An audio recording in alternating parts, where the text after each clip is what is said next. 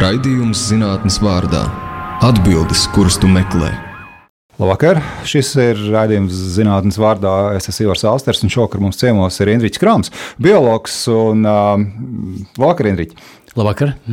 Jūs esat no trijām universitātēm. Ja? Kā, kā par jums var atrast informāciju no Tartu, no Latvijas un no Dāngopils universitātes? Jā. No visām trijām vienādā pakāpē, vai ir kaut kāda galvenā vieta arī? Nu, uh, ir tā, ka uh, visur es cenšos taisīt, nodarboties zinātnē. Uh, Rīgā man pašlaik ir tā, ka galvenokārt tās ir tomēr uh, mācības. Nu, tā ir tā starpība. Kā jūs teiktu, kā jūs definētu sevi kā biologs? Jo, ja paskatās jūsu publikācijas sarakstu, tas ir ļoti, ļoti garš. Tur ir ļoti, ļoti interesants tēmas. Mēs vēlāk par dažām parunāsim.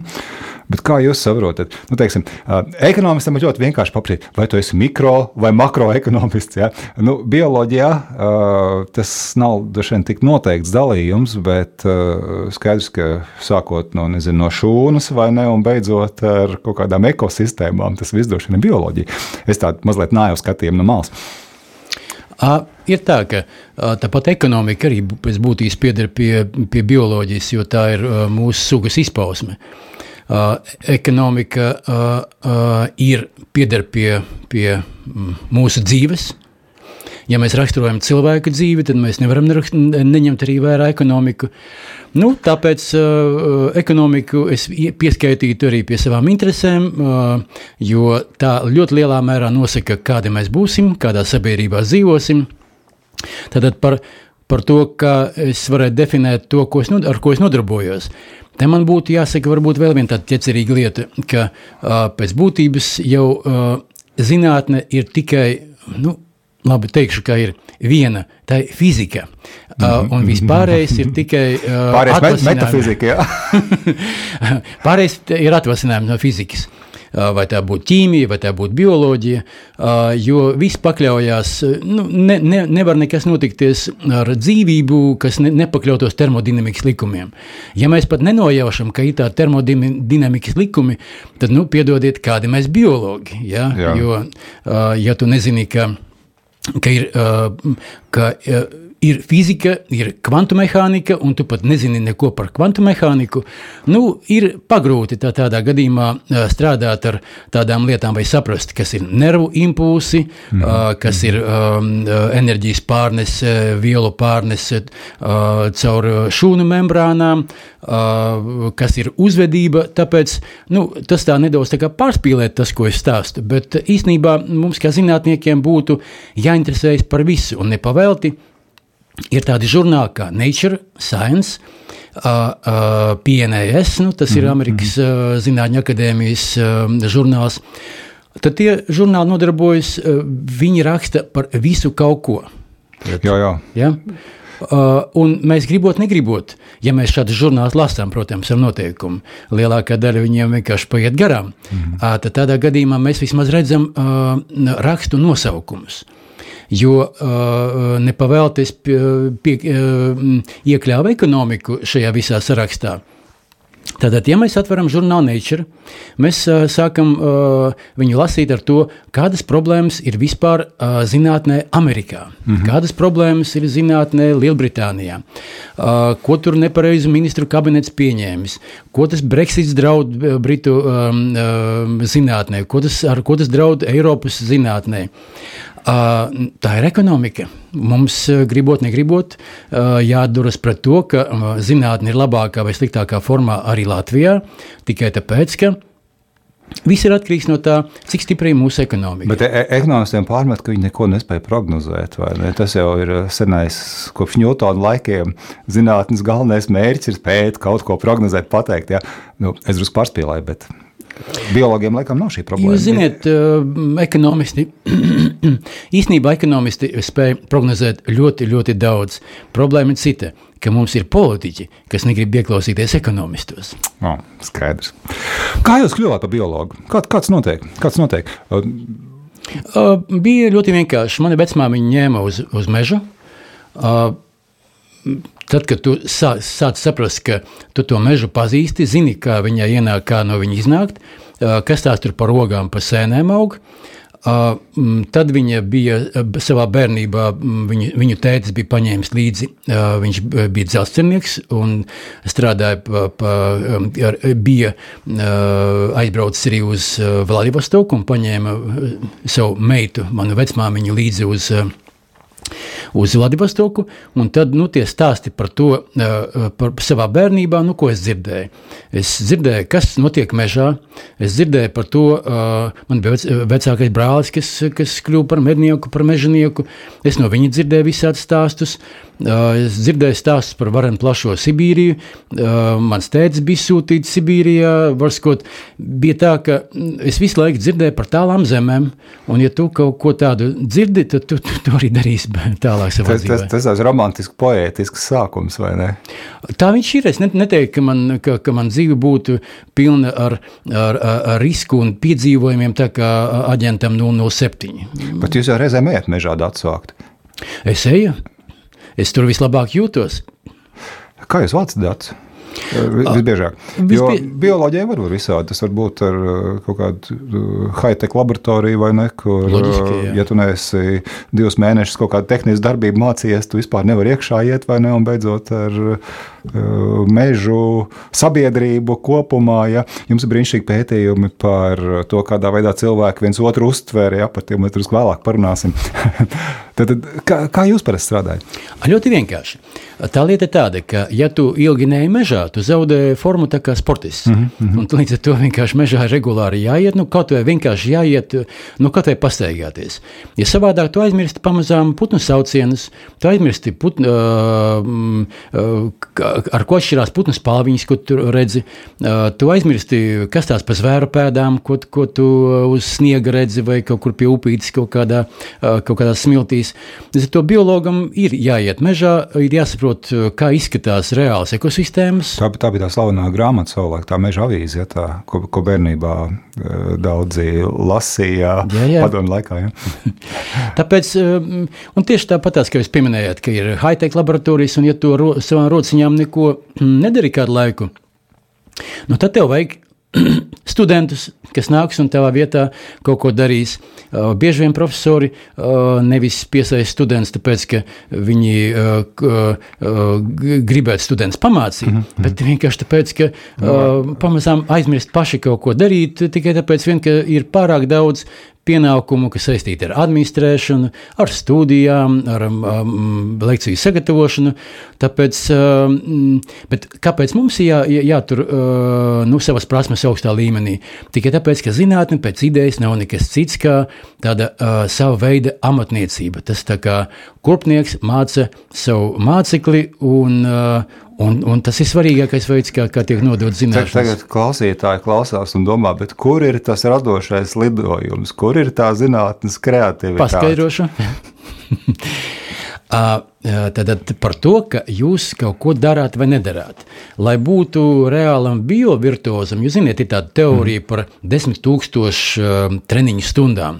Tad, ja tu esi, nu, ap, ap, aptuveni tas ir tā, ka, ja tu uh, esi uh, nospēlējis bio 3000 jā, jā, tas par ekspertiem jā. ir tas viens mm. Zviedrijas izcelsmes amerikāņu psihologs. Jā, jā, jā un var skot, tu kļūsti par kaut kādu ģēniju vai ģēniju veidīgu cilvēku, un uh, kad tavs doma lidojums mm. lido visam pāri viegli, tā kā pūlis, pūciņa tikai tad, kad tu esi investējis sevī, investējis savā nodarbē, nu, vismaz vairākas tūkstošas stundu. Tur tas mm -hmm. viss arī skaistums sākās. Mm -hmm.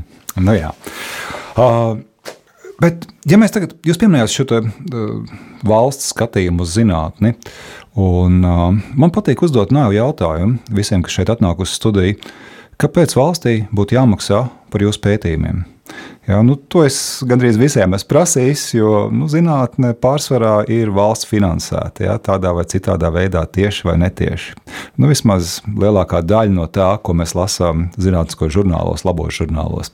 Un kāda ir jūsu atbilde? Kāpēc valstī jādod? Jā? Tagad viss saka, jā, budžetā ir pa maz naudas. Latvija ir viena no pēdējām vietām, kā skatās Eiropas Savienībā, cik naudas proporcionāli no budžeta kopīgā apjoma tiek dots. Kāpēc vajadzētu dot vairāk? Jā, tagad atkal tur saimā vai ne? Budžeta pieņēma, viss notiek. Ļoti vienkārši. Es vienmēr izēju tikai no savām interesēm. Būtu jāpalielina finansējums zinātnē, lai es labāk dzīvotu. Ja? Uh, tas ir viens. Bet kāpēc lai es jums dotu, nu, kā nodokļu maksātājs? Nu, tad mēs nonākam pie konkrētāka jautājuma. Un tad jūs man atkal, jā. Tā doma ir tāda, ka mēs pašlaik sēžam Nu, varbūt ne gluži uh, um, vakar izremontētā studijā, bet mums ir brīnišķīgi mikrofoni, Jā. jauna uh, skaņa pults, jums ir skaists ekrāns, monitors, jums ir smags fotoaparāts. Uh, mēs esam, uh, mums ir mugurā drēbes, ja? neesam gluži kas, ka, nu, kā no meža iznākuši. Uh, uh, mums ir kurpes kājās, uh, un uh, visas šīs lietas ir mums ir devusi zinātne. Nekas nav nācis no kaut kur no, no kādas citas vietas. Neko nedod ne reliģija, nekas nerodas uh, pats no sevis. Uh, viss, kas mums ir, uh, kas padara mūsu dzīvi baudāmu, kas padara mūsu dzīvi ilgāku, laimīgāku, veselīgāku, tas viss nāk tikai no zinātnes.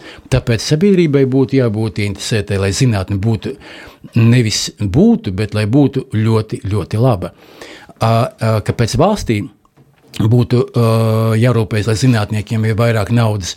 Un, uh, man šķiet, ka ne tik daudz vairāk naudas, bet lai zinātnieki būtu kvalitatīvāki, lai tie būtu ļoti labi zinātnieki, lai pirmkārt viņi būtu ļoti konkurētspējīgi. Nu, iedomājieties, ka ir mūsu, mums ir sportisti. Latvijas, starp citu, ir nu, sasniegusi ļoti daudz, daudz ko sportā. Man šķiet, ka visā statistikas rāda, ka tādai valstī kā Latvija būtu jābūt daudz mazāk medaļām, bet latvieši sasnieguši ļoti daudz ko. A, kāpēc, lai mēs būtu sliktāki zinātnēs? Tieši tā, jo gal galā jau tajā profesionālā sportā, piemēram, NBA, kas ir tur ļoti grūti tikt iekšā. Kā es runāju, viena profesionāla hokeistu. Mans students viens ir profesionāls ah. hokejs. Un, un, un, viņš teica, tu paskaties, cik daudz tur ir spēlētāji no Latvijas. NHL jau ir diezgan labi, bet NBA ir pirmkārt mazāks komandu skaits, ja, mazāk spēlētāji katrā komandā. Un, ja tur var būt kā šobrīd, jā, četri spēlētāji, nu, ļoti maz valstīm tā ir. Tad jautājums, ko var zinātniekiem mācīties no profesionālā sporta? Droši vien, tas būtu tāds. Tikai nebūs sliktākiem. Tikai nebūs sliktākiem. Protams, ir ar, ar sportu ir tā, ka sportā nu, tomēr tava, tava karjera īsāka, tu vari nu, teiksim, tā, saraut. Uh, un uh, tikt pie kaut kā tur, nu, tomēr arī naudas tiek maksātas uzreiz lielākas.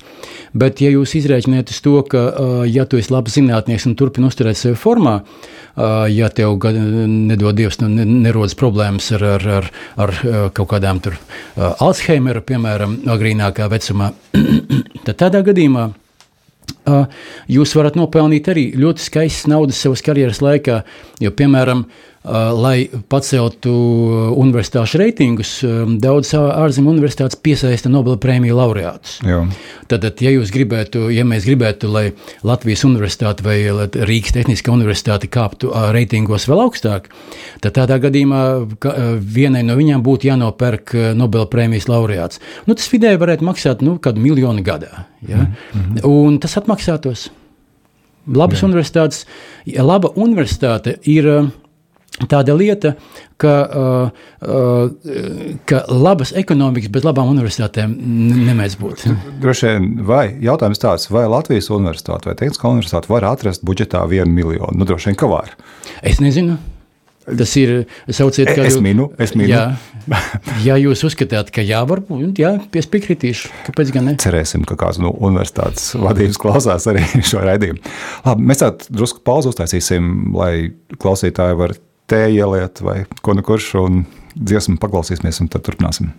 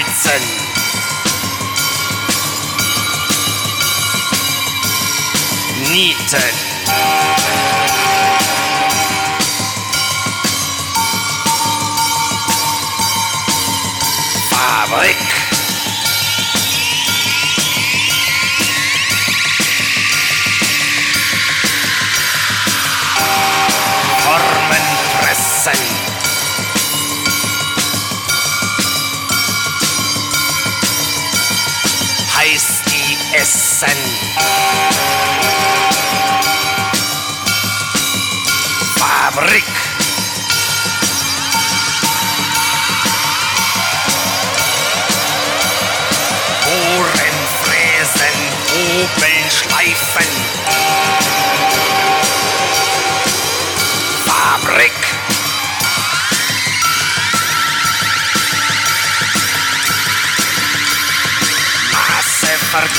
Vergleichen. Härte erreichen. Fabrik.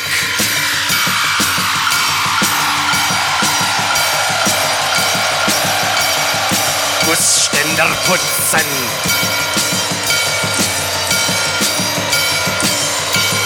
Schaber benutzen. Fabrik.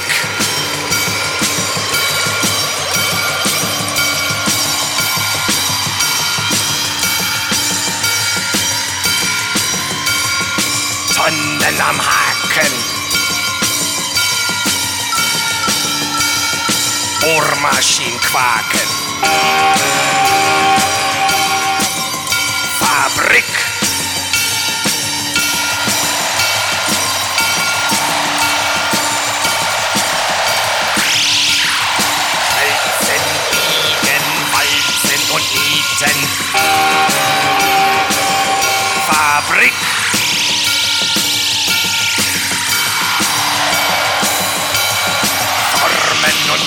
Pressen heißt die Essenfabrik.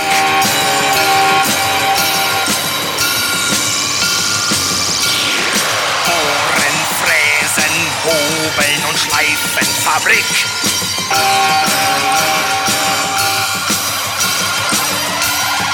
Maße vergleichen, Härte erreichen Fabrik.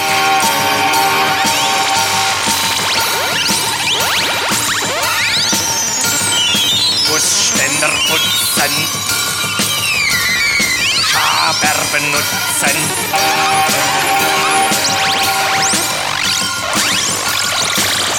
Fabrik.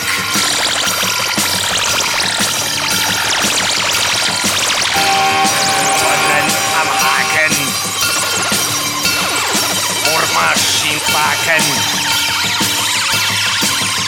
Fabrik.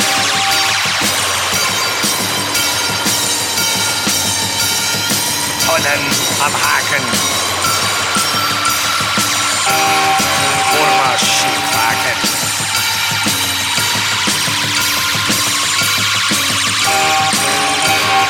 Schmelzen. Biegen. Walzen. Nieten. Fabrik.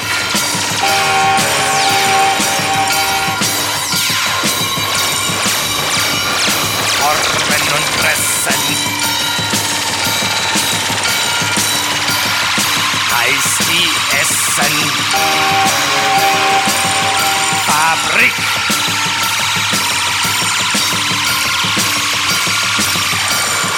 Maße vergleichen. Härte erreichen. Fabrik.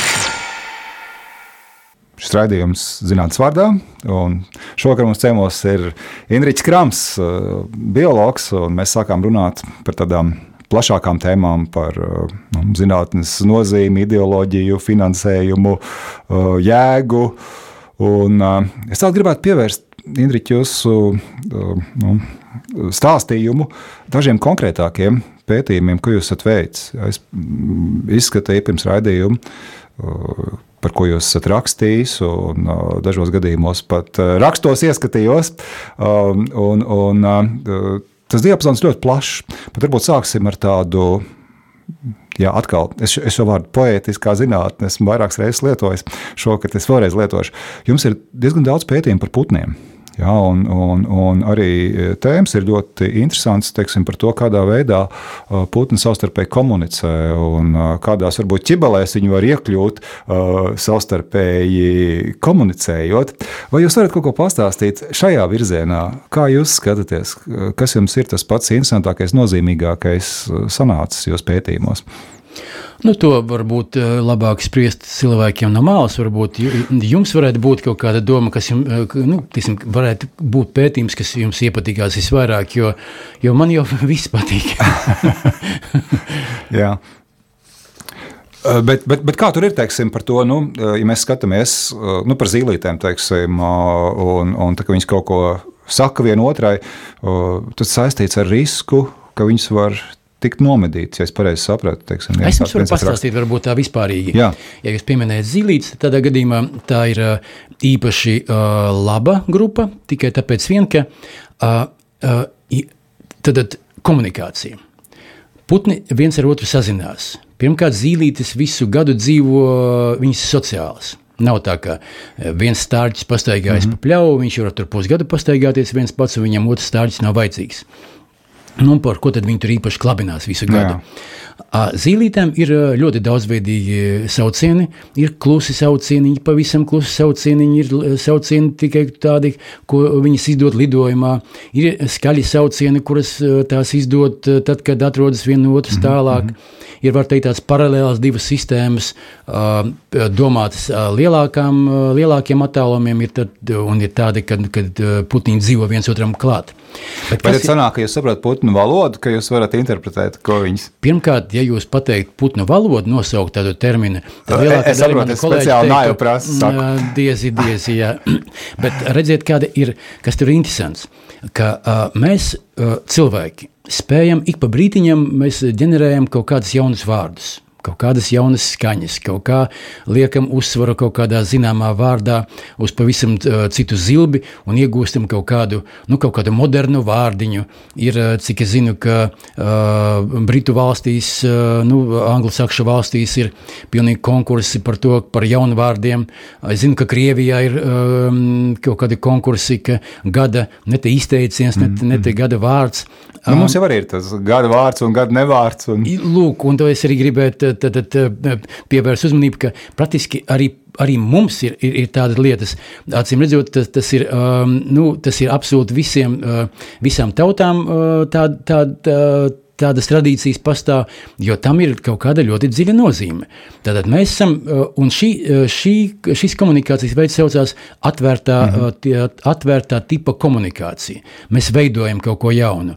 Un vienīgie uh, organismi uh, uz šīs planētas, kas spēj uh, komunicēt tieši, uh, kuriem ir tā, tāda pati atvērtā tipa komunikācija, ir zīlītes. Oh.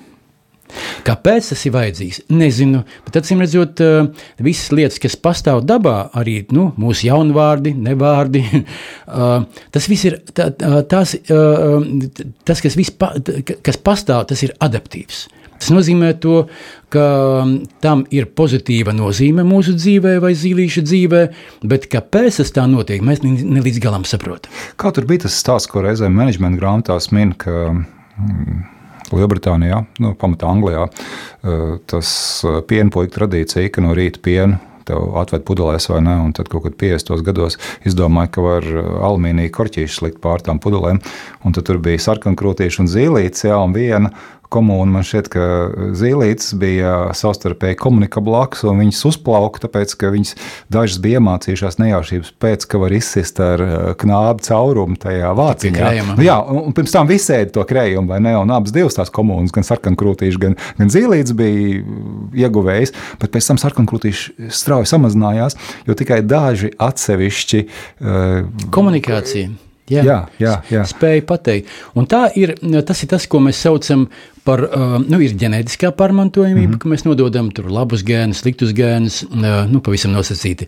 Uh, ir, ir otra veida uh, informācijas pārmantojamība, ka vecāki vai draugi vai, vai, vai kādi citi radinieki viens otram uh, kaut ko pamāca, parāda, un mēs mācāmies no citiem. Vai tā ir mode, vai tā ir, uh, vai tā ir nu, kā tur bija to, to zinātnieku un to kurpnieku, mm -hmm. ja, ka uh, tā, tas ir zināmā mērā tāds uh, amats.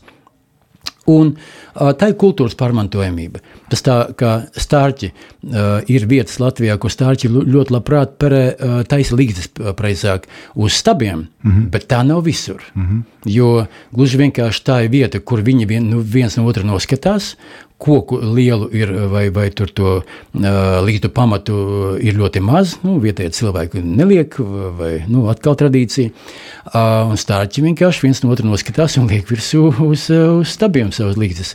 Tā ir kultūra. Bet tāds varbūt atkal panāks jautājums, kādā veidā jūs saprotat, ko tās zīlietes grib komunicēt? Jūs skatāties, kādas skaņas viņas izdod un kādā situācijā. Nu, mēs kā un biologi ļoti sekas? vienkārši skatāmies. Mēs pašlaik nu, to visu izskatām tā stipri primitīvi, tāpēc ka mēs izvērtējam komunikāciju no tāda nu, evolucionāri un ekoloģiski svarīgu faktoru puses. Tad ir plēsonība, ir bats, kā, nu, kā, kā, kā risks, no kura būtu jā, jā, kā, faktors, no kura būtu jābaidās. Un, uh, Par plēsējiem ir tā, ka, ja uh, dzīvnieks vai nu, piemēram, cilvēks arī dzīvnieks nav nekāda sēna, ne? Tad tādā gadījumā mēs varam, mums ir, mēs, mūsu komunikācija tāda, ir tāda, ka mēs varam precīzi pateikt, mm. ka vanaks vai, nezinu, zobenzoba tīģeris, vai mums brūk virsū kaut kāds tur komodo varāns. Jā, jā. Uh, mēs to varam precīzi definēt, mēs pat latīnisko nosaukumu varam nosaukt, nezinu, pirms nāves vai, vai kā. Bet jebkurā gadījumā to var, mēs varam pilnīgi precīzi definēt, ka, ka, kas tā ir pa lietu. Un, uh, Ir putnu sugas, kas arī uh, precīzi definē, kas tas ir pa plēsēju, Tad viņiem pastāv, nu, ja mēs skatāmies kognitīvi, referentatīvā tā, tā, nu, tā, kā, komunikācija. tā kā kategorizācijas spējas. Jā, jā. Īstenībā dzīvnieki saprot ļoti daudz ko, daudz vairāk nekā mēs parasti spējam iedomāties. Jūs varat viegli atrast YouTube kaut kāds video par smart animals, mm -hmm. ja, un, un noskatīties, ka suņi spēj atskrūvēt pudelēm, korķus un, un, un, tieši, un, un ka Jaunkaledonijas vārnas spēj izdabūt no kaut kādām no, no cilindriem ārā, tur, kur viņas ne- knapi, knapi galvu var iebāzt, bet da, dabūt ārā barību, jo tur var, ja tur kaut kā var uh, pacelt ūdens līmeni, uz kura peld tur kaut kādas kukurūzas grauds. Var sakot, dzīvnieki ir, ir ārkārtīgi uh, adaptīvi, viņu uzvedība ir ļoti adaptīva, prāta spējas neko īpaši neatšķirās no cilvēka, un, un īstenībā mums būtu jāuztver daudz nopietnāk. Jūs domājat, ka drīkst lietot to vārdu prāts attiecībā uz dzīvniekiem? Loģiski. Ja mēs skatāmies vēsturiski, kā tur bija, ka Ivans Paulovs, tā, viņš taisīja tos savus eksperimentus ar suņiem, leģenda saka tā, ja kāds laboratorijā nu, darbiniekiem pateica, ka suns domāja, mm. -hmm. tad viņi atlaida, jo suns nevar domāt. Ā, Pavlova pētījumi, starp citu, ir viena no tiem pētījumiem, kas, kas bioloģijā, nu, var teikt, ir kā, kā mēs runājam, klintī iekalti. Mm -hmm. ja? Ā, Tā, tie ir savā ziņā, ziņā tādi Newtona likumi. Tie ir nu, patiešām. Nu, psiholoģija arī. Nu, jā, jā, tie- tie, ir- ne, nu, skaidrs, viņi sākās kā bioloģija, bet nu, citi Jā, ir jā. paņēmuši to, kas darīja. Uh, nu, lūk, un, um, tie, ir, tie patiešām ir reāli likumi. Tas ir, tas ir liels atklājums, un līdz ar to Paul, Paulo būtu jāpazīst studentiem līdz šim brīdim, jāzina, kas tāds ir un ko viņš atklājas. Un Pavlovs, nu, tā kā jūs man jautājāt par, par, nu, par, prā, par dzīvnieku prātu, ko būtu Pavlovs par to teicis. Uh, un ko tad mēs tur komunikācijā pētām? Mēs pētām, kā jau pie, pieminēju, tikai pavisam konkrētus, tur kaut kādus mm -hmm. ekoloģiski būtiskus, evolucionāri būtiskus uh, faktorus un to lomu uz komunikāciju. Tāpēc, ka mēs nevaram līdz šim brīdim iejusties putnu ādā, orangutāna ādā, kaut kāda citu putnu um, dzīvē, iet un, pastīties viņu acīm.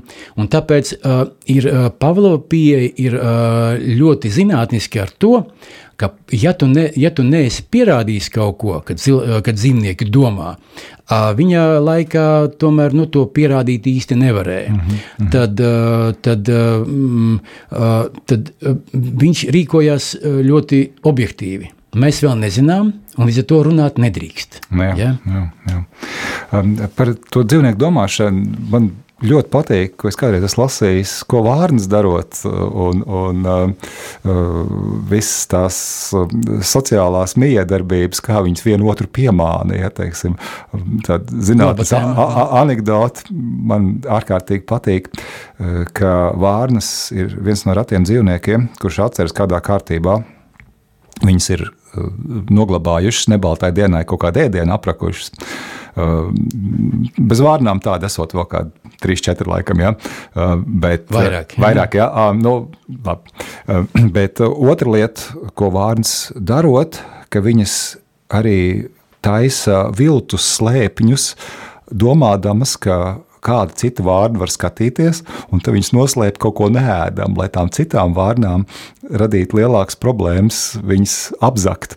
Ja, nu, šādi gājieni ir ārkārtīgi fascinējoši arī no cilvēku viedokļa. Nu, skatieties, uh, ir tā, ka, uh, ja, ja, ja runājam par komunikāciju, komunikācija var būt godīga, komunikācija var būt uh, negodīga, uh, komunikācija var būt manipulatīva. Uh, un godīgas komunikācijas uh, ir tikai kādi 5%. Vārnām vai, vai vispār jebkuram dzīvniekam, tā skaitā cilvēkam? Nevar pateikt, ka visiem dzīvniekiem, bet sociālajiem dzīvniekiem gan Jā. arī laikam tā būs taisnība. Tāpēc, uh, kas notiek? Ir, ir kaut kādi procesi, ekonomika, ekonomikā no, norit kaut kādi procesi. Nu, īstenībā nu, nav nemaz tik, uh, tik grūti to ekonomiku saprast. Uh, nu, tā mums ir aktuāla, mums būtu jāiemācās kaut ko no tā visa saprast. Tas, tas būtu kā dzīvnieku ekonomika, dzīvnieku uzvedība no ekonomikas perspektīvas. Loģiski, jā. Uh, Bet problēma ir tāda, ka uh, uh, tad, kad mēs klausāmies kā vien, ir, ir, ekonomisti, kas ir zinātnieki, un tādus neviens neklausās. Mm. Viņi runā neinteresanti, viņi runā kaut kā neizteiksmīgi. Mums jau patīk cilvēki, kas Un uzrakst kaut kādu vienādojumu uz tāfeles, vai Nu, jūs šausmas. neredzat, vai ne? Jā, nu šausmas Jā. vienkārši. Jā. Nu, Kurš kā- to nesaprot? Tur diferenciāli vienādojumi vai kaut Pa durvīm ārā Jā. un cauri. Uh, ir tādi, kas, kas, kas varbūt to ekonomiku īsti nezina, bet var skot, jo cilvēks vairāk runā, jo acīm redzot, viņš sliktāk zina savu tēmu. Uh, uh, mēs mēģinām maskēties vienā laidā. Mm -hmm. mēģinām, un, un paskatieties, mums ir politiķi vai kaut kādi pašvaldību darbinieki, vai nu, kas, jebkurā gadījumā tie, tie politiski darboņi. Un tad, tad ir cilvēki, kas, kurus nevar apstādināt viņu runāšanā. Viņš runā tur pa desmit reizēm vienu to pašu, ar kaut kādiem citiem vārdiem. Būtībā tā ir nekas cits kā viena vienīga manipulācija. Mm -hmm. Un, lai saprastu, ko politiķis vai tāds politiski orientēts ekonomists ir pateicis, mums ir vajadzīgi tūki. Un, un tas, ko viņi dara, viņi vēl reizēm piemina uh, kvantu teoriju, bet jūs nezināt, šeit parādās kvantu mehānika. Uzdodiet konkrēti jautājumu, Jā, jā. ko jūs ar to domājat? Jā, jā. Par, par, par, par, par, par, par kā- kādu kvantu dabu pašlaik Jā, jā. jā? Uh, Un kas šo lietu ir atklājis? Uzdodiet pavisam konkrēts jautājums. Parasti tā ir pazīme. Viņi ka- aizpeldēs ka- ka- zibenīgi. Cilvēks īstenībā nesaprot pilnīgi neko, ja tikai kaut kādas frāzes. Bet, eh, bet kas ir ļoti svarīgi, eh, tad mums vajadzīgi kaut kādi, kas, kas to pārtulkos, ir vajadzīgi politologi, ja? ir vajadzīgi uh, visādi skaidrotāji, kas, kas pateiks, ko, ko tas cilvēks īsti gribējis domāt un kas aiz tā visa tur slēpjas. Ja?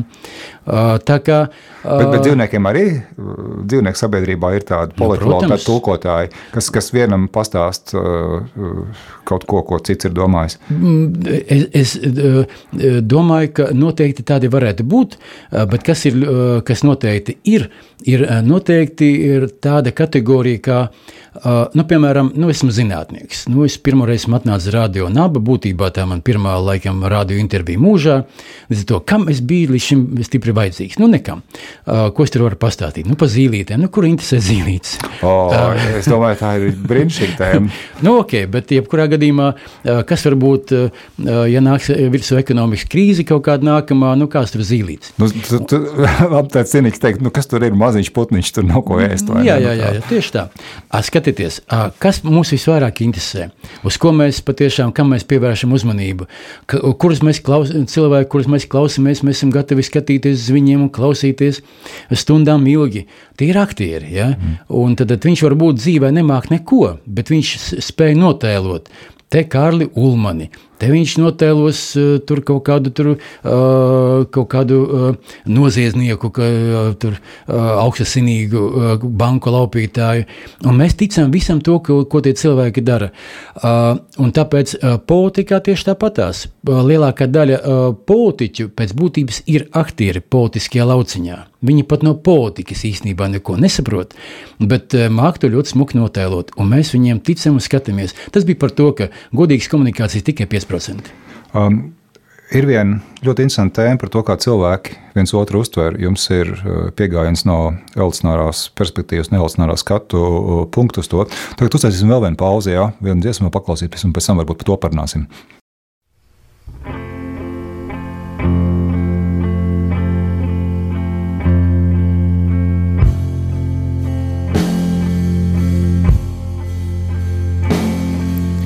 Darling, I can stay awake all night and I will make mistakes alright. Cause the body asks so much.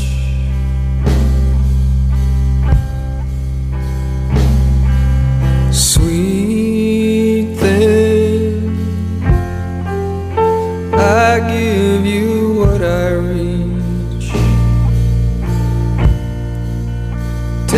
what I had to teach, and re-rendered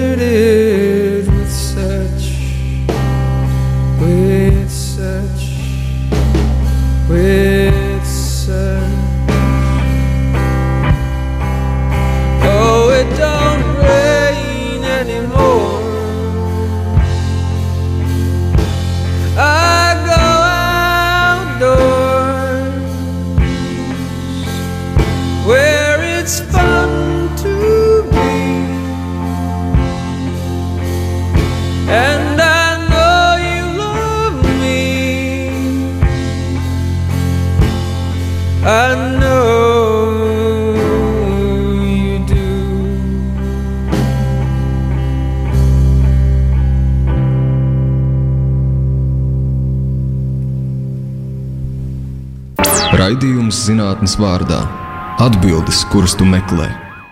Šis rādījums zinātnes vārdā es esmu Ivars Alsters, un šovakar mums ciemos ir Inričs Krams. No Tartu Universitātes, no Latvijas Universitātes un no Daugavpils Universitātes biologs. Un mēs ar Indriķu jau runājām šeit par uh, putnu sabiedrisko dzīvi, vilkām paralēlus ar uh, cilvēku un citu dzīvnieku uh, kognitīviem procesiem, savstarpējiem iedarbību un pieskārāmies mazliet arī kvantu fizikai, uh, gan pozitīvā, gan negatīvā nozīmē. Um, Bet, Inriķi, klausieties, jums ir interesanti pētījuma sērija par to, ko uh, cilvēki viens otrā uh, mēģina saskatīt vai uztvert. Ja? Nu, tur ir uh, vairāk vai mazāk tie raksti, vismaz tie, kas ir visvairāk citēti, ir par to, kādā veidā teiksim, sievietes skatās uz vīriešiem, kādus. Kādas īpašības, kādas pazīmes mēģina saskatīt. Un, uh, uzreiz, varbūt, es saprotu, tā ir ļoti, ļoti, ļoti, ļoti plaša un ārkārtīgi interesanta tēma, bet jums tur ir paralēls ar uh, sociālo situāciju, ar sabiedrības iekārtu, ar drošību sabiedrībā. Nu, es brīvi interpretēju tagad. Ja? Uh, vai jūs nevarat kaut ko par šo virzienu pastāstīt? Manuprāt, ļoti, ļoti interesants. Nu, skatieties, kāda uh, dilemma mūsu priekšā stāv, kad mēs izvēlamies sev otro pusīti. Vai uh, uh, sievietes izvēlas uh, kādu vīrieti vai vīriešus par savu bērnu tēviem. Uh, ja jums, uh, kā vīrietim, ir labi gēni, uh, brīnišķīgi, tas, ka jums viņi ir. visas sievietes tavējās. Nu, tas tā evolūcionāri skatoties tā. Teorētiski tā, tā būtu uz to pusi velk. Bet uh, tur ir uh, problēma. Kā sieviete uh, var saprast, ka tam vīrietim ir labi gēni? Gēni nav gluži tā, ka uh, atnāk vīrietis un uzliek uzmet uz, uz galda savu maku, uh, pilnu kredītkartēm. Nu, tad tur redzējāt, tur, tur ir kredītkartes, bet gēnus tāpat nevar uzmest uz galda un, un parādīt, pastieties, uh, mīļās dāmas, kā, kādi man te brīnišķīgi gēni priekš jums ir. Mhm. Uh, tas tā neiet krastā, jo ģenētiskā informācija ir slēpta, mēs viņu nevaram ieraudzīt, un uh, ģenētiskās informācijas mm, uh, produkts ir uh, saucamais, mm, tas iepriekšējais ar- saistīties ar gēniem, ir uh, genotips. Un tas, kā mēs izskatāmies, vīrieši, sievietes, putni, ir tas uh, saucamais fenotips. Mm -hmm. uh, kas ir svarīgi? Uh, fe, pēc fenotipa mēs nevaram patiešām spriest par gēniem. Jo ne visi gēni sevi realizē. Ne visi gēni sevi realizē uh, vislabākajā formātā. Uh, otra lieta ir tāda, ka uh, svarīga lieta, ka uh, dabiskā atlase un uh, dzimuma atlase, nu, kad mēs izvēlamies viens otru, piemēram, vai izdzīvojam, kā dabiskās atlases gadījumā, uh, tā notiek pēc fenotipa, nevis pēc genotipa. Uh, un tāpēc pāvam ir gara aste, uh, bezjēdzīga gara aste, skaista, bet uh, Funkcionāli vienkārši pievilināt, pievilināt tikai vistiņas. Ja? Jā, un viss viņas pienāk un skatās uz to drausmīgi garo astu un brīnās, kā viņš vēl ir dzīves. Jo tā doma ir tāda, ka, ja tu ar tik briesmīgi garo astu vēl esi dzīves, tad laikam tu esi ļoti, ļoti labs. Ja? Uh, vīrietim Tev ir ko iespēja- ēst, vai ne? Un to var atvairīt citus gaļus. vai Jā, ne? Viņi jā, nekaujās ar tevi. Ja, šī ir, ja, ja tā ir jūsu ķermeņa mm, nu, tā, mm, izpausme, tad tādā mm gadījumā ta, ta, tas ir. Uh, uh, Tas ir god, uh, um, tādā veidā jūs varat parādīt, cik jūs esat labs. Un, un teiksim, jūsu pētījumi ir par to, kas ir vīriešu pāvaste. Ja? Jā, zinām, mērā. Jā. Ir, uh, protams, ir tāda lieta, ka vīrieša pa- pāva asta varētu būt viņa Mercedes, uh, viņa uh, māja vai lepnais dzīvoklis. Laikam dažreiz teica tā, kādreiz biologi, ka Hammers ir ļoti labs. Kā pāvāstu vīrietim, jo dārgs, bezjēdzīgs, uh, lūst, un tas viss ir labi, tāpēc ka tas liecina, ka tev neinteresē, cik tas viss izmaksā, ka tev ir šausmīgi daudz naudas. Tieši Un tā. viegli pamanāms. La, labs dzīvoklis ir, uh, nu, ir tā, tā ir vērtīga lieta, tā ir vērtība. Uh, automašīna, uh, nu, tā ir, nu, vai, vai kaut kas tamlīdzīgs, ir sevišķi tas lūst, uh, uh, un, tas, un tas ir ļoti dārgs. Ja, ja tas ir ļoti dārgs, tad tādā gadījumā tur patiešām tas ir jūsu paplašinātais fenotips, ja, Jā, jā, jā. extended uh, phenotype, uh, par, par ko Richards Dawkins uh, ir rakstījis. Uh, un, uh, varskot, mūsu, kā mēs ģērbamies, kā mēs, uh, tas nozīmē to, kā mēs uztveram pasauli, kā mēs uztveram krāsas, mode uh, ir ļoti svarīga, kā, kā, kā mēs to nu, redzam, uh, vai mēs to vispār redzam, ja li- viena liela daļa to vispār neredz un uzskata, ka tas ir nevajadzīgs un tā ir dārga un nevajadzīga lieta, un ja jūs esat vienalga ģērbaties moderni, tas, tas ir tas, nu, hammers, zinām mērā. Jā, jā. Lūk, un, uh, un tie pētījumi ir par to, ka kādā veidā, piemēram, sieviete spēja atšifrēt, ka tas ir uh, vīrietis, kas, uh, kas būtu labs viņ, viņas bērnu tēvs. Jo, piemēram, arī veselība mēs nevaram ieraudzīt tā vienkārši pēc, pēc, nu, tā, pēc sejas. Vai arī, uh, vai arī precī, precīzāk mēs mēģinām saprast, uh, vai sievietes to spēj vai nespēj. Jo viena lieta ir tāda ka uh, mēs satiekam katru dienu, mēs redzam uh, citus uh, cilvēkus, mēs redzam pretējā dzimuma pārstāvis. Un būtībā katrs ejot pa ielu, paskatoties uz uh, uh, ja, sievieti, uz vīrieti, ja tā ir heteroseksuāla sieviete, ja, ja vīrietis uz, uz sievieti, ja viņš ir heteroseksuāls, ja, ja uh, uz to pašu dzimumu, ja viņi ir homoseksuāli. Un pilnīgi pietiek dažu sekundžu, lai mēs paskatītos un vai nu turpinātu skatīties uz to attiecīgo cilvēku, vai novērst savu skatienu, mm -hmm. jo šis cilvēks mūs neinteresē. Mēs izvērtējam viens otru nekā citādi, kā tikai pēc, uh, pēc uh, um, pēc, uh, pēc tā, ka vai mu- mums ir, būtu interesanti ar šo cilvēku nu, nokļūt seksuālās attiecībās. Par to tas arī viss ir. Uh, Kas ir interesanti?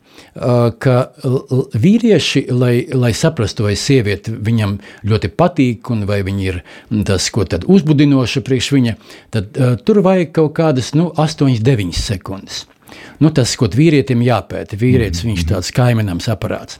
Jā, tas ir pretrunā ar visām tām uh, Facebook un internetu joku bildītēm, vai ne, kur ir sieviete, kā ļoti sarežģīts mehānisms, un vīrietim tur parasti ir viens slēdzīts on-off, vai ne? Tad, Uh, mm, vīrietim ir, uh, vīrietim ir, es varu paskaidrot, kāpēc no evolucionārā viedokļa tas tā arī ir, jo vīrietis jau neiegūda uh, bērna radīšanā. Būtībā tas pienesums, ko, ko dod vīrietis, un tā enerģijas patēriņš, lai būtu, lai piedzimtu bērns, uh, viņš ir ārkārtīgi minimāls, praktiski neeksistējošs pret to, ko iegūda sieviete. Deviņus mēnešus iznēsājot mm. bērnu, dzemdējot un pēc tam rūpējoties pilnībā par, par savu bērnu, un vīrietim tur ir ļoti maz darīšana. Tāpēc sievietei ir jāizvērtē viss daudz, daudz. Uh, mm, Uh, nu, uh, tur, tur var uh, jāpatērē, uh, tam jāvēl daudz vairāk laika. Uh, bet īsnībā ar, ar sievieti ir, um, ir savādāk. be- Sievietes var patērēt tikpat ilgu laiku, bet to izdara daudz uzmanīgāk, vai arī pavisam nedaudz vairāk. Tad ja. ap 2, 8 vai 9 sekundes, kā jūs teicāt. Ja? Nu, jā, 5, 6, 7, 8, Jā. 9. Jā, kaut kā tā. Un, un viss ir skaidrs. Mm -hmm. Patīk vai nepatīk. Cauri. Jā, verdikts ir, ir, ir, ir izteikts. Mm -hmm. Un uh, viena no lietām, mūsu jautājums ir par to, ko tad sievietes uh, redz. Vai, piemēram, sievietes redz uh, vīrieša uh, veselību.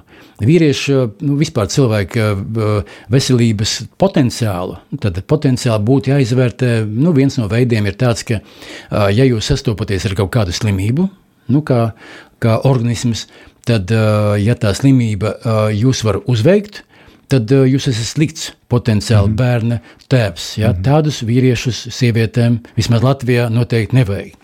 Mums vajadzīgi veselīgi vīrieši. Uh, un tas nozīmē, to, ka, uh, ka vīrietis pat sastopoties pirmo reizi ar nepazīstamu slimību, tad, tad ar uh, nepazīstamu antigēnu, Jā. spēs radīt uh, viņas imūnsistēma, ja viņa adaptīvā imūnsistēma spēs radīt uh, antivielas pret to.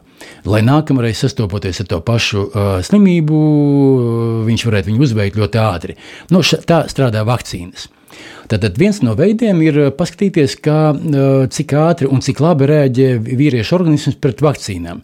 Tad vai ir tā, ka seksuāli pievilcīgi vīrieši, kuriem seksuāli pievilcīgas sejas, kuri izskatās smuki, uz kuriem sievietes skatās, kuri sievietēm patīk, uh, vai viņi arī ir tik labi, arī, vai viņu veselība arī ir tik laba? Mm. Uh, nu, tas ir tas viens no pētījumiem, ko mēs esam veikuši.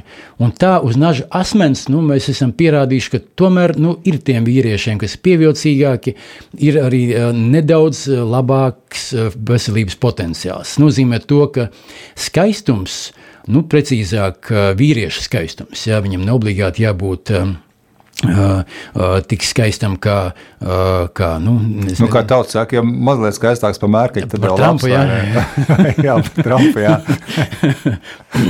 Uh, ka, ka pievilcīga seja kaut ko nozīmē. Varbūt uh, sejas pievilcība kaut ko nozīmē. Mēs pašlaik analizējam datus, kas saistās ar, ar uh, sime, sejas simetriju. Jo, kā uh, simetriska seja ir skaistāka seja. Ja uh, seja ir nesimetriska, tad viņa nav daļa. Un tāpēc pat, uh, mēs te vairāk reizes pieminējām ekonomiku, un tur to uh, krīzi, mm -hmm. un to tad, tad putniņš, ja maziņš zīlīte nav interesants, tāpēc, ka viņam nav ko tur ēst, kas visi ir absolūti taisnība, tad uh, viens biznesa veids praktiski necieš uh, arī krīžu laikā, un tas ir kosmētikas bizness. Sievietes grib krāsoties un grib noslēpt savus uh, defektus. Uh, un, piemēram, uh, nezinu, kā ekonomiskās krīzes laikā, bet jebkurā gadījumā, tad, kad ir labi, sievietes labprāt taisa dažādas plastiskās ķirurģijas operācijas, lai uzlabotu seju. Korejā, piemēram, sasniedzot pilngadību vai sniedzrotību 18 gadi vai vienkārši sasniedzot 16 gadu vecumu, viena no lietām, ko vecāki savai meitai dāvina, tā bija plastiskā operācija. Mm -hmm. Un tur ir aizgājis pat tik tālu, ka, uh, ka vismaz tā bija pirms gadiem, diviem. Es tā biju dzirdējis, ka, uh, ka uh, vīrs bija iesniedzis tiesā prasību pret sievu, tāpēc ka kā tā varēja gadīties, ka viņa ir tik skaista, bet piedzemdē tik nesmukus bērnus.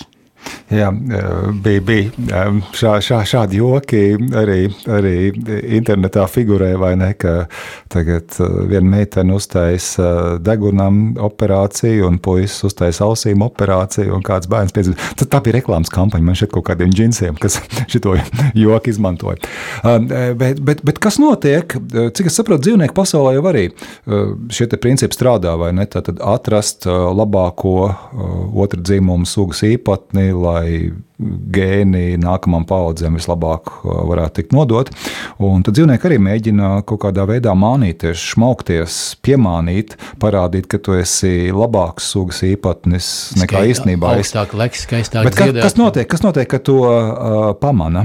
Nu, tagad jau bija tā, vai ne? Iesūdz tiesā, vai ne? Korejā, ja? uh, vai, vai uztais joku video internetā, kas tā kā sots ir. Ja? Nu, sabiedrība ar to īsti nepieņem, vai ne? Nu, tas tā kā, nezinu, tu neesi kādai sociālai grupai piederīgs un uh, tagad izmanto tās simbolus. Nezinu, es tagad būšu augsta statusa noziedzīgās grupas pārstāvis, uztaisīšu tādas tetovējumus. Traki būs, vai ne?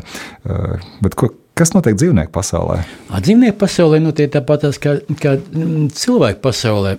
Jo mānīties jau var, ja var apkrāpt kaut kādu vienu, otru, trešo, bet ir tā, ka ja tu uh, esi, um, pie, piemēram, medņu vīrietis, ja, medņu gailis vai rubeņa gailis, viņi nerūpējas par pēcnācējiem, viņi riesto, mātītes atnāk uh, uz savām īslaicīgajām kāzām un aiziet. Viņš ļoti rūpīgi izvēlas to tēviņu, bet tā izvēle no, no citas puses nav nemaz arī tik grūta. Tikai tāpēc, vien, ka vistiņas atnāk uz riestu un tur un, pārojas tikai tiem gaļiem, kas ir pašā centrā. Centrā tu nevari tikt. Kamēr tu neesi sasniedzis kaut kādu noteiktu vecumu. Kā jauns gailis, tu vienkārši netiec riesta centrā nu, no pirmā mm. gada, nu nekādi. Tas nozīmē, to, ka tev jānodzīvo vairāki gadi, jāpierāda, ka tu vispār spēj izdzīvot tos gadus, mm. tu spēj nu, pretoties um, dabiskās atlases faktoriem. Uh, ar to vien tu parādi, ka tu esi labs. Un tad, uh, ja tu spēj vēl arī cīnīties uh, ar, ar citiem tēviņiem, kas gan jau arī negribētu tevi laist pašā centrā, uh, tad, nu, lūk, tas ir, tas, ir, tas ir par to, ka, um, pie, piemēram, arī cilvēkiem kļūt par bērna tēvu. mm, Pašlaik, pie, piemēram, ir ten, divas pretējas tendences. Visā pasaulē dzimuma nobriešana cilvēku populācijas notiek ātrāk nekā agrāk tas bija, bet sociālā nobriešana notiek aizvien vēlāk. Un tad, tad uh, neviens, uh, neviena meitene negribēs īpaši uh, ne no viena puika dabūt bērnu, ja viņš nebūs sociāli nobriedis. Tad vairoties viņš spējīgs jau no, no kaut kādiem tur 12, 13 gadu vecuma, bet tādu, no tāda nebūs bērnu. Tikai tāpēc, vien, ka tev dzīvē ir sevi jāpierāda. Jāapstrādā fabrikā, jā, kā senos laikos. Jā, kaut, kaut, kaut, kaut, kā, nu, kaut kā pie kaut kā jātiek. Un agrāk meitenes vēl bija tāds varbūt nu, tā kā kautrīgākas, bet arī īstenībā ļoti lielu uzmanību pievērsa arī nu, manā paudzē tam, vai tev ir kaut kas vai nav kaut kas kas, un tiem, kam bija turīgāki vecāki, piemēram, tie dabūja, tie tika pie vairāk meitenēm, es noteikti varu pateikt, vai arī aprecējās ātrāk, vai veiksmīgāk kaut kā aprecējās ar labāku meiteni. Uh, bet uh, pašlaik jau nu ir pilnīgi skaidrs, ka ja tu, uh, tev nebūs uh, sociāls status ka, mm labs, nu vismaz kaut kāds, ja tev nebūs alga regulāra, ja tu nebūsi nu, galā mācījies pietiekami ilgi, tad uh, izglītībai um, ne tikai kaut kāda objektīva iemesla dēļ, ka vajadzīga laba izglītība sabiedrībā, bet arī izglītība ir vajadzīga priekš tā, lai vispār uz tevi sievietes skatītos, ja, ja tu esi vīrietis. Tātad visi, kas mācās skolā un klausās mūsu raidījumu, un ir vīrieši, ja klausieties, ir visādi nozīme izglītības iegūšanai. Uh, Izglītība jā, tā, tā nav tikai, ka tev būs lielāka alga, un īstenībā algas ir lielākas, ja ir augstāka izglītība, bet uh, ir augstāks sociālais status. Un tad uh, Un um, tad iespējas, ka, t- ka jūsu bērni būs no, no kvalitatīvākas, nu, nosacītas, tā negribētu teikt, ka, uh, ka, ka, mēs vispār spējam tā uh, novērtēt, bet, nu, no, no, no, ja jums ir izvēle starp vairākām meitenēm, tad jūs tiksiet pie labākas meitenes tikai tad, ja jūs būsiet pats ieguldījis sevī nu, tās ne tikai tā desmit tūkstoši stundas, par kurām mēs bijām runājuši, bet arī nu, kaut kā formāli, ka tev ir izglītība. Klausies, Indriķi, mums tas redzējums uz beigām virzās. Un, uh, es nevaru neuzdot arī jautājumu, kā jums šķiet, kur bioloģija virzās tagad? Uh, kas notiks nu, teiksim, pēc kādiem desmit gadiem? Kas būs tās tēmas, uh, ko visi gribēs pētīt, uh, kas ir potenciāli interesanti atklājumi? Nu, uh, visi tagad mēģina kaut ko saprast, bet pagaidām vēl nesaprot. Un kas būs pēc drusku ilgāka laika, Teisim, pēc simts gadiem? Pēc simt gadiem bioloģija būs vēl kāds cits Noteikti, nozare? ka būs, jā, noteikti. Nu, labi, bet sākumā desmit gadiem. Nu, tad ir tā, ka, uh, ja es zinātu, kas būs pēc desmit gadiem aktuāls, es te nesēdētu. Ja? Oh, es, jūs vienkārši netērējat laiku, ja tā izlaiž kaut teiktu, nu, stundu kāda studijā. radio, ja? es jau sen nodarbotos ar tām lietām. Laboratorijā vai mežā. jā, jā, jā, tieši tā. Ir skaidri virzieni. Tomēr, tad, tad, kas ar mums notiek? Mēs noplicinām planētu kā, kā, nu, kā suga. Un mums jābūt skaidrībā, tomēr jātiek skaidrībā par to, vai mēs spēsim te dzīvot, nu, kaut vai jau pēc desmit gadiem, vai mums būs liels problēmas vai nē. Un tāpēc ir interesanti, ka, piemēram, ekoloģija nav pat prioritāro zinātņu nozarē Latvijā.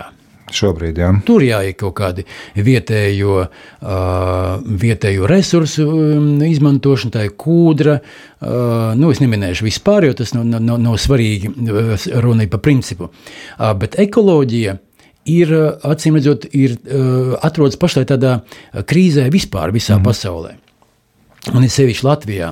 Mēs uh, kaut ko saprotam, bet mēs, uh, kā tur bija, to, jūs, jūs teicāt par ekonomiku, ja, ka uh, ekonomika, bie, uh, cilvēki bieži uzskata, ka ekonomisti um, nezina, nespēja prognozēt kaut ko uz priekšu. Es pa- pasrīdējos ar jums par to. Bet tā doma ir tāda, ka ekoloģija spēja prognozēt kaut ko uz priekšu vēl mazāk. Mm -hmm. Tikai tāpēc, vien, ka ekoloģi, uh, ka, kurš pēta tur kaut kādu papagailīti, kurš pēta kaut kādu zīlīti, kurš kaut kādu ķirzeciņu, bet runa nav, tā ir.